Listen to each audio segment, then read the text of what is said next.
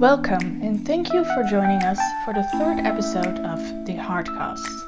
Today we discuss how your heart's intelligence is connected to how we build and maintain different kind of relationships, which we call relationship intelligence. Often, childhood memories and upbringing can have an impact on how we act in romantic relationships later on in life. You will find this podcast provides easy to use tools that help you connect to your heart to build a stronger relationship with both yourself and the people who are closest to you. Let's start connecting. Tess, welcome back. Yes. Thank you so much for joining me here again on our third episode. So, today we're going to talk about heart intelligence and relationships. Yes. Can you start by explaining the connection between these two? Yes, absolutely. And I love the connection between those two because there is such like a big link between the heart and relationship. And maybe it's even relationship in the broadest sense of the word. You might immediately think about your intimate or your romantic relationship, but we are in relationship with a lot of different people. Um, like your colleagues, your family, your friends, um, your your sisters or brothers. So um, we will focus as well on the romantic relationship and like that intimate intimate relationship.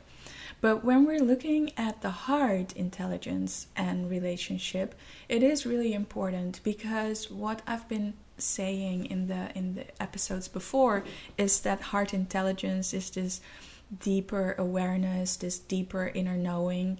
It is about being very authentic and being very present in the moment. And that's all really important in relationship and how you're being and what you're doing in relationship. To find that authenticity and to really be in that present moment, to feel what's needed in a relationship. And what I've also been talking about is our heart magnetic field, which is surrounding our hearts for about a meter or even more. And that heart magnetic field, it's like an electromagnetic field that's constantly like charged. And it can be with the depleting feelings that have a lower vibration. And that's like the shame, the guilt, the worry, the fear, the anger, the frustration, um, the depleting feelings, lower vibration or the higher vibration feelings, which I also call the renewing feelings, which is the appreciation, the compassion, the care, the gratitude, the joy, the bliss, the love. And through those magnetic fields, we are communicating all the time. We are radiating that into the world and also into your relationship. And what I really like is it to picture it like there is an emotional field, like there is an emotional field that you're creating together, together with your partner. And that emotional field is charged as well. And you both are bringing in feelings. You're you're both bringing in a vibration into that field. Yeah, because communication often seems to be a problem within any kind of relationship. Mm-hmm. Uh, and the way you explain it, it sounds to me as if that magnetic field is the way of communicating from the heart. Yes. Is that correct? Yeah, yeah, yeah, that's correct. Because we are communicating through that electromagnetic field like all the time, 24 7. You're radiating that out all the time. The other person is doing that as well. And this might be very subconsciously that we are talking to each other with like particular words but then underneath there is this flow of another of another kind of communication and that's the emotional field that's playing a role there. So when we're talking about relationship when we're talking about intimacy it's really important to be aware of that emotional field and to really train yourself in acknowledging the emotional field like seeing it or sensing it. I, I, actually i rather talk about the word sensing here because it's an energetic way of talking to each other.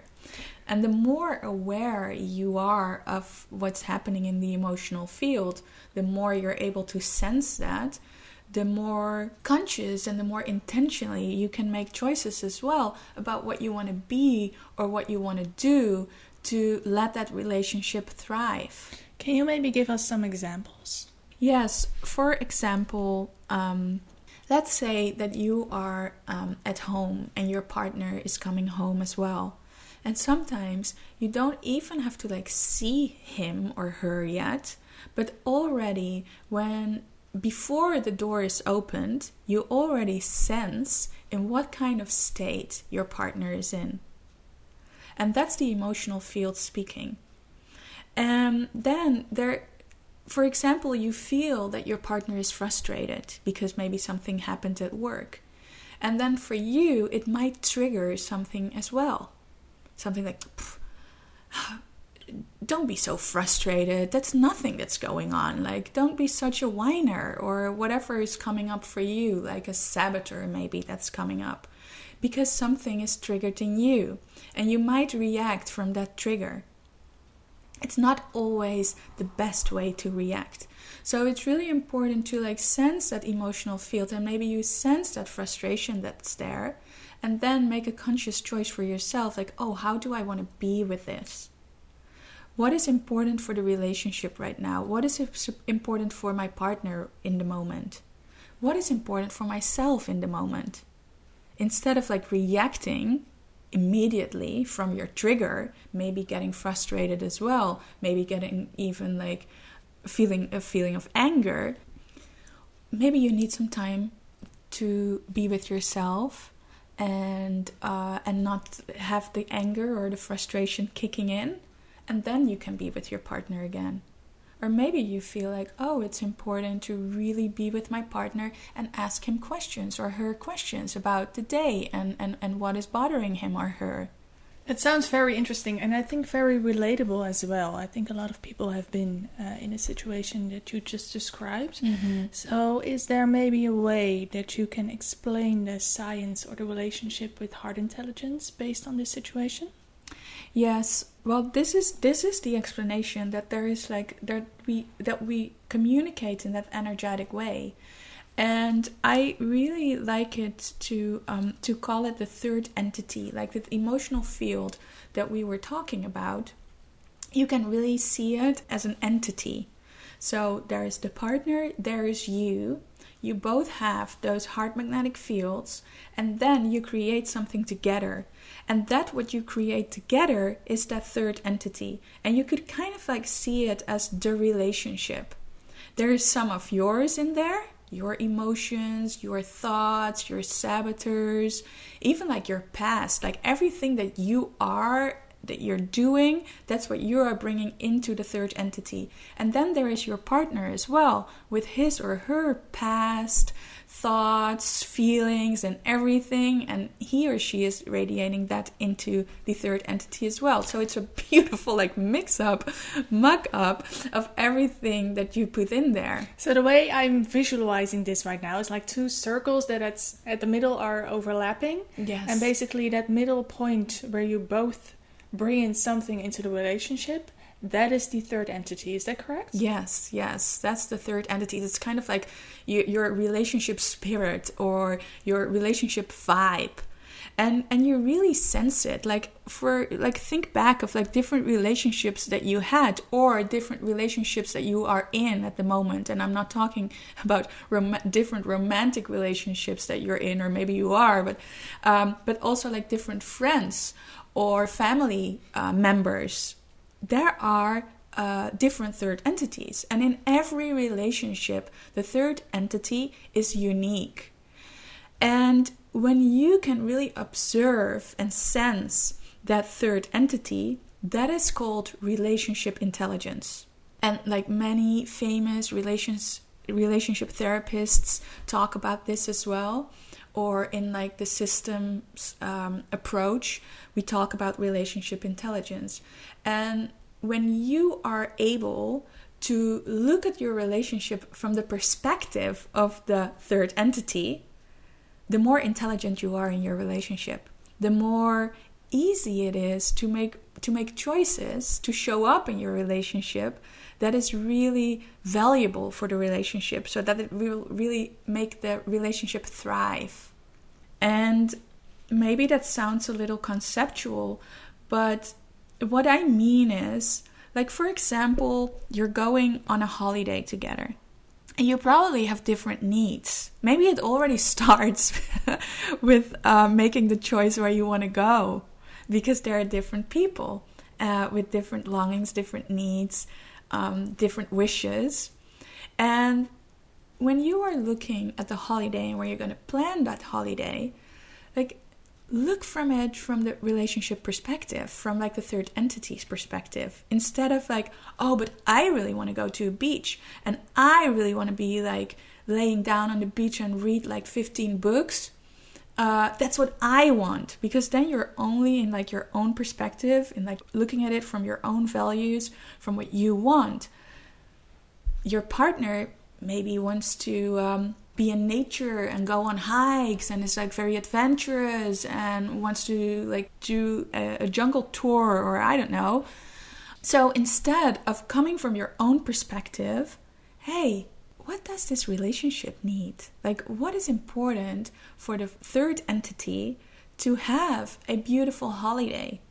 And when you can step into that perspective, where you acknowledge both the adventurer and the one who wants to be on the beach, probably you will be way more effective in finding that holiday together because you're coming from that relationship perspective when you speak of it like this, it, it all sounds very logical. It all sounds very easy. Mm. I'm listening to you and I'm like, oh, I'm gonna do this. Yeah. But it, I'm pretty sure that it's not as easy as it sounds right now. Um, I think a lot of people, uh, like I said before, have problems with communicating within a relationship, uh, have problems with thinking about their own needs first, or maybe there are other people who think about other people's needs first and yeah, therefore forget their own needs.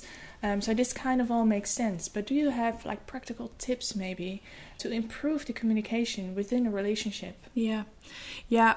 So it yeah, and I so agree because from a th- from theory it sounds so logical, and and it does take courage and it does take like a lot of intention to really create a relationship like that and to open up the conversation about all this.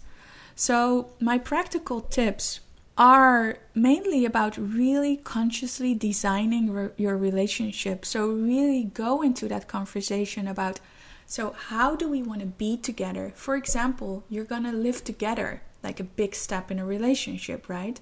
And I love what you were just saying about some people are very much of a giver. They don't think that much about their own needs, they think a lot about the other's needs. If you know that you're some one of those people, really go into that conversation about like hey we're gonna live together. How do we want to be together? What do we need from each other? And the more conscious you can have this conversation the more your relationship and living together will thrive. Like the bigger the chance that you will succeed. And it doesn't have this doesn't have to be like a very heavy conversation. You can also do it in like a fun and light way it's so important not to come from assumptions, not to come from all those ego longings and ego needs that we have, but really stepping into that relationship intelligence part. Like the more the more you can look from that perspective, the more intelligent you are in relationship. So the bigger the chance that you will thrive in your relationship. Um, and I have an example here as well, which is not so much about a romantic relationship, it is about a relationship with my family.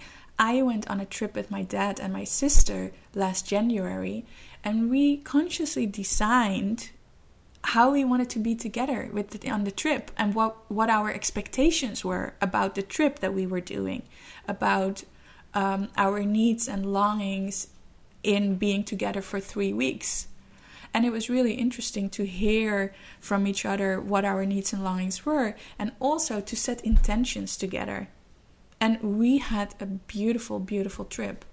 It's quite interesting you're saying that because I think a lot of people uh, will get a stomach ache just by the thought of spending three weeks with their family. yes, and maybe think... especially with like dads and daughters well a mother daughter thing can be a thing as well but yes yes yeah. definitely.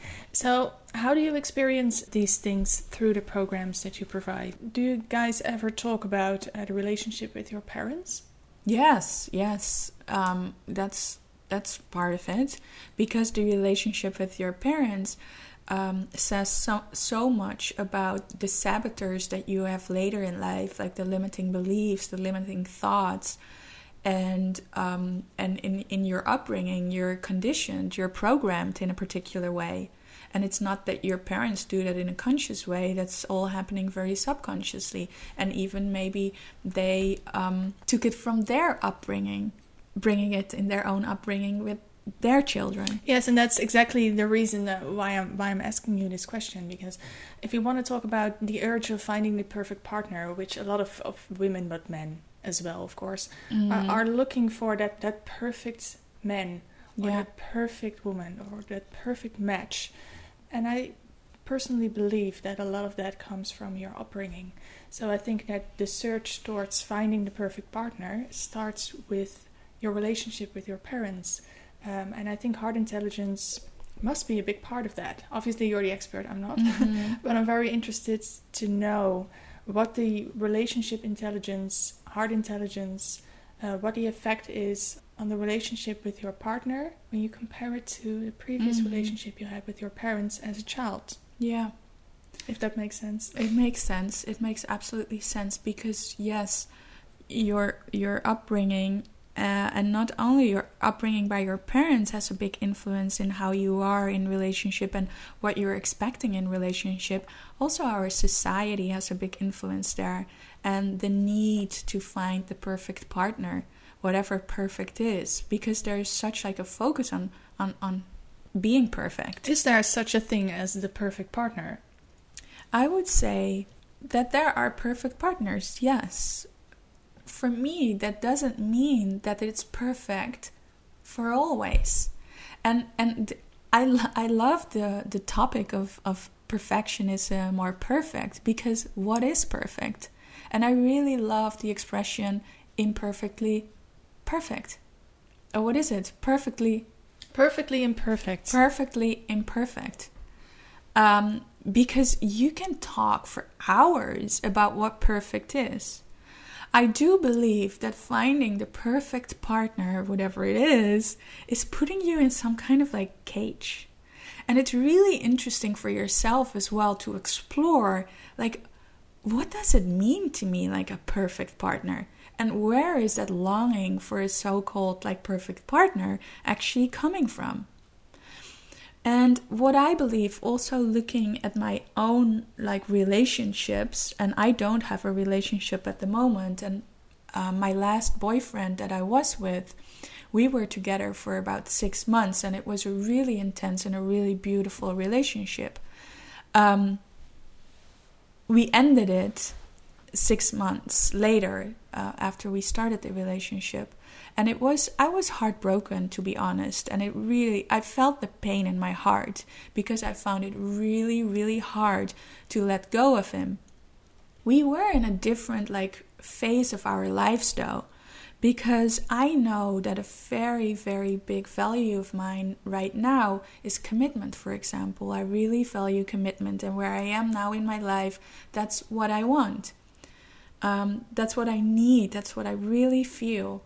And my partner at that time couldn't commit the way I see commitment. So we had very interesting talks about that as well, and it was painful. It also gave me so many insights in how I want to be in relationship. So for me, he has been the perfect partner for those 6 months. And what I experienced with him as well was a very very deep love and deep intimacy. And intimacy is also a beautiful word because, and it's also a word that there is a lot of like different thoughts about because some people, intimacy, you immediately link it to sexuality. With intimacy, I mean the level that you get vulnerable with each other the way you have conversations in we in in which you really show up as your most authentic self who you really are with all your your flaws and the things that are not so beautiful or not so good or whatever not so perfect about you.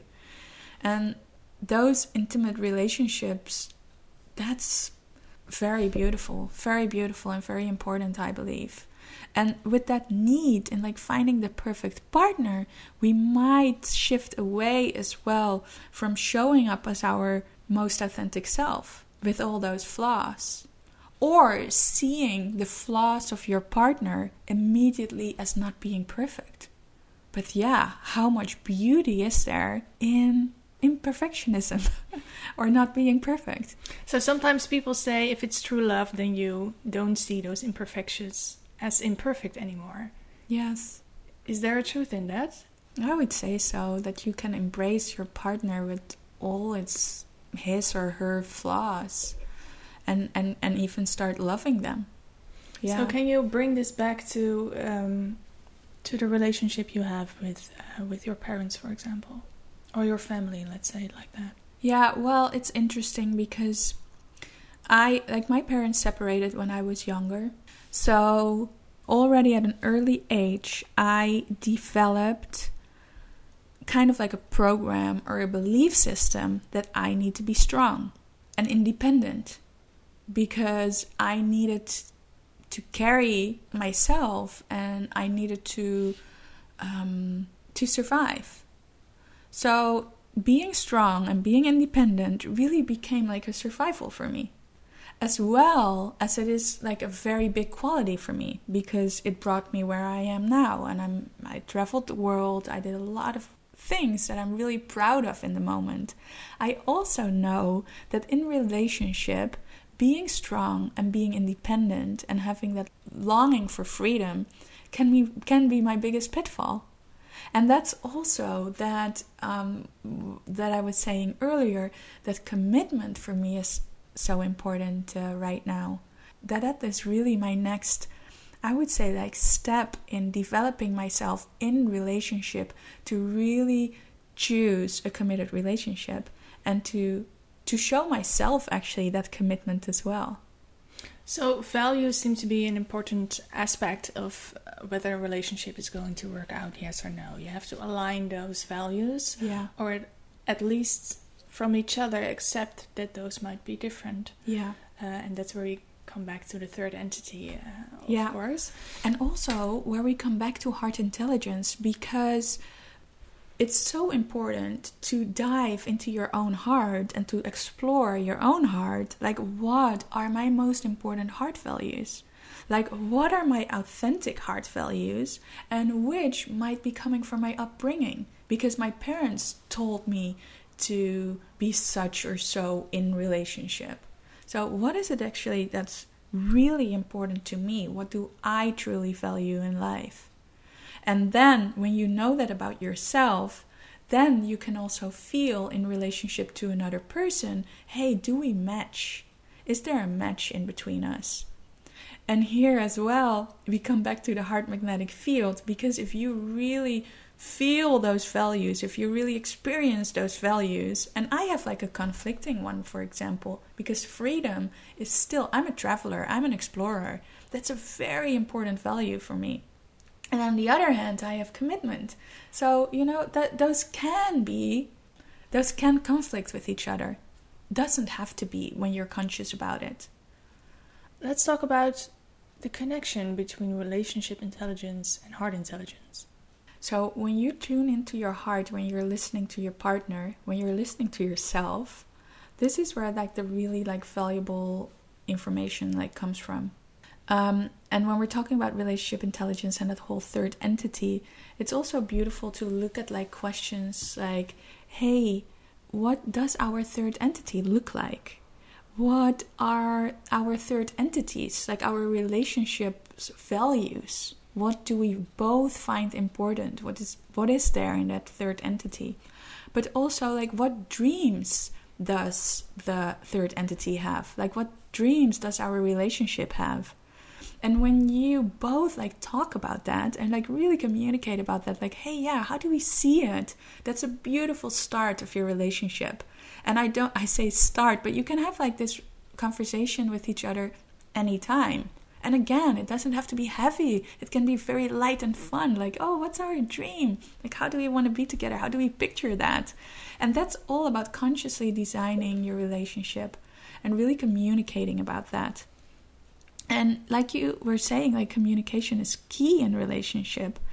And I would really challenge you uh, or invite you to listen from your heart. So when you're talking with your partner, imagine yourself like going down into your heart and listen from there. Like focus on your breathing. Imagine that your breath is like flowing in and out of your heart and then listen to your partner. And you might discover like new things in his or her story because you're not immediately thinking from your own rational, from your own mind, because that can happen a lot in communication. And I call it level one listening that you're listening to somebody. And I think I, I, I, I, um, said something about that in like one of the first episodes as well that you're listening and that you're only listening to respond. And that you're listening like oh yeah but i should have done this or oh really? Or i will give you this advice or you're constantly like focused on yourself. Level one listening then there is also if we're talking about listening because i i really believe that listening is the key of communication as well. It's not so it is yeah i agree. It's not so much about what you're saying it's about how you're taking in what the other one is saying and then how you're responding to that. That's where we connect.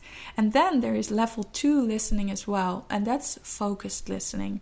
And with focused listening you're focused on the other person you're listening in between the lines. So even what the person is not saying, you sense it. And um, a couple that's very much in love, and when you see them sitting in a restaurant and they're having dinner, and they are totally focused on each other, like not paying attention to what's going on in the restaurant. And when the when the waiter or the waitress comes, and ask them for like what do you want to have? Have you made a choice? They're like oh no no no no we, we didn't even look at it yet. Because they're like totally focused on each other. That is level two listening. There is even like a deeper level and that's what i call level three or heart listening. And then you are very much focused on the other person you are also focused on like what's happening inside of you on like a deeper level like what emotions am i experiencing? You're also focusing on that emo- emotional field that's going on in between you. It's like a very like broad scope of listening. It's heart listening. It's really sensing what's going on in, in the field. And that's where you respond to. And this is really like a deeper way of connecting and it's it starts with deeper connecting to yourself like really sensing and feeling what's going on here in, with me like what am i feeling? And then in the bigger um, in the bigger whole as well. So this is where the magic happens because when you are talking on this level you really start understanding each other. There's not so much judgment because in level one when you're so much focused on yourself there's lots of assumption there's lots of judgment. And that's the that's the main fuck up of relationship. You're thinking that you're hearing a particular thing in the story of the other person. Is it really true? So tess like you just said, communication, listening, those are two very important aspects within a relationship. But there are also a lot of people um, who value their time spent apart. Yes. Can you explain a bit more about the time you need to spend together and the time you might need to to take a step back and to connect to your own heart? Yeah. Yeah and this is such an important question because I, I believe that a lot of people will recognize this, right? That they maybe need time for themselves to like recharge and to be able to be to be in relationship again. So this is really about knowing yourself. This is really knowing like what are my biggest values? What what what is what do I need to thrive? To thrive in my own life or to thrive in relationship? So that's a self-exploration. And then when you know this, you also need to recognize like where are my boundaries? When do I feel like that I need some time for myself? And then it's also about like going to that co- courageous conversation. For some people, it's like courageous to really uh, show up and go into a conversation about what your needs are. And then showing up in relationship and going into this conversation is so important because then you are naming, you are articulating what you need in the relationship. Listening is, of course, very important. And then you can like start designing the relationship again and like what's needed. So, how do we want to be with having time apart? Because this is also where the assumptions jump in oh, my partner doesn't like me anymore because he he or she wants to spend time by herself and even go on a holiday by his or his or herself. And this is where the saboteurs kick in. This is where your ego is being triggered and maybe the fear of rejection. Like I've been dealing with a fear of rejection, so I could have really easily when my partner wants to uh, spend time by himself I can really go into this story that my partner doesn't want to be with me anymore. Well, for him, it can be a total different motivation to spend that time by himself. So, here again, communication is key. Talk about it. Don't go into assumptions. No, because assumptions are basically the, the killer of every relationship and every good idea yeah. uh, you might ever have because they create doubt Yes, yes, they create doubt, they create worry, they create like fear that's not there. Yeah, and they may be even like uh, frustration or anger. And that's when we go back into that incoherent state that we were talking about in our first episode. Exactly. Right? And that's like when you create that incoherent state in your heart, your heart rhythm is incoherent. You are not connected to your intelligent heart. You go into those survival mechanisms immediately. And 70% of the time, like most of us human beings, we spend in survival. And when we spend our time in survival, it has a big impact on our system, on our bodies, and and also on the relationships that we are in. Because you might get into your fight, your flight, your freeze, or your hide. You are not showing up in your relationship, or you're fighting all the time, or maybe you are the one, or your partner is the one when you are in kind of like an argument or like a, a deeper conversation that you or the other one is running away. Like I've been there. I've been there. I remember like one relationship that I was in. It was in like my late 20s that um when we would get into an argument, I would just like run away. I couldn't be with it. No, I think that's a very natural response at least I can very re- relate to it to not wanting to have that confrontation and basically yeah. just and run that's, away. And that's our like. But then there might be worry, anger, fear, frustration, whatever it is, like running into your system. Whatever it is, it doesn't make the situation any better. That's yeah, it's a survival sure. mechanism, and maybe it feels so natural to you as well because that what you've been doing already from an early age. Or maybe you adopted that behavior from your parents or your caretakers, and then it becomes your program. And here it's so much, especially when you want to have like a thriving relationship, a thriving romantic relationship, to like cut those programs and to reprogram yourself in in another way. And that's where you come in because you can help with these things through the programs that you provide yes. on your website. And overall, I think um, the things we've, the topics we've discussed so far, which is uh, heart intelligence in general, heart intelligence in relation to career, and heart intelligence in relation to relationships, all together make a pretty good lifestyle if used mm-hmm. wisely, if used correctly. So, yeah. in the next episode, we're gonna dive a little bit deeper into the all over happiness that we can create through heart intelligence. So, for now, I want to thank you so much for joining me here again today.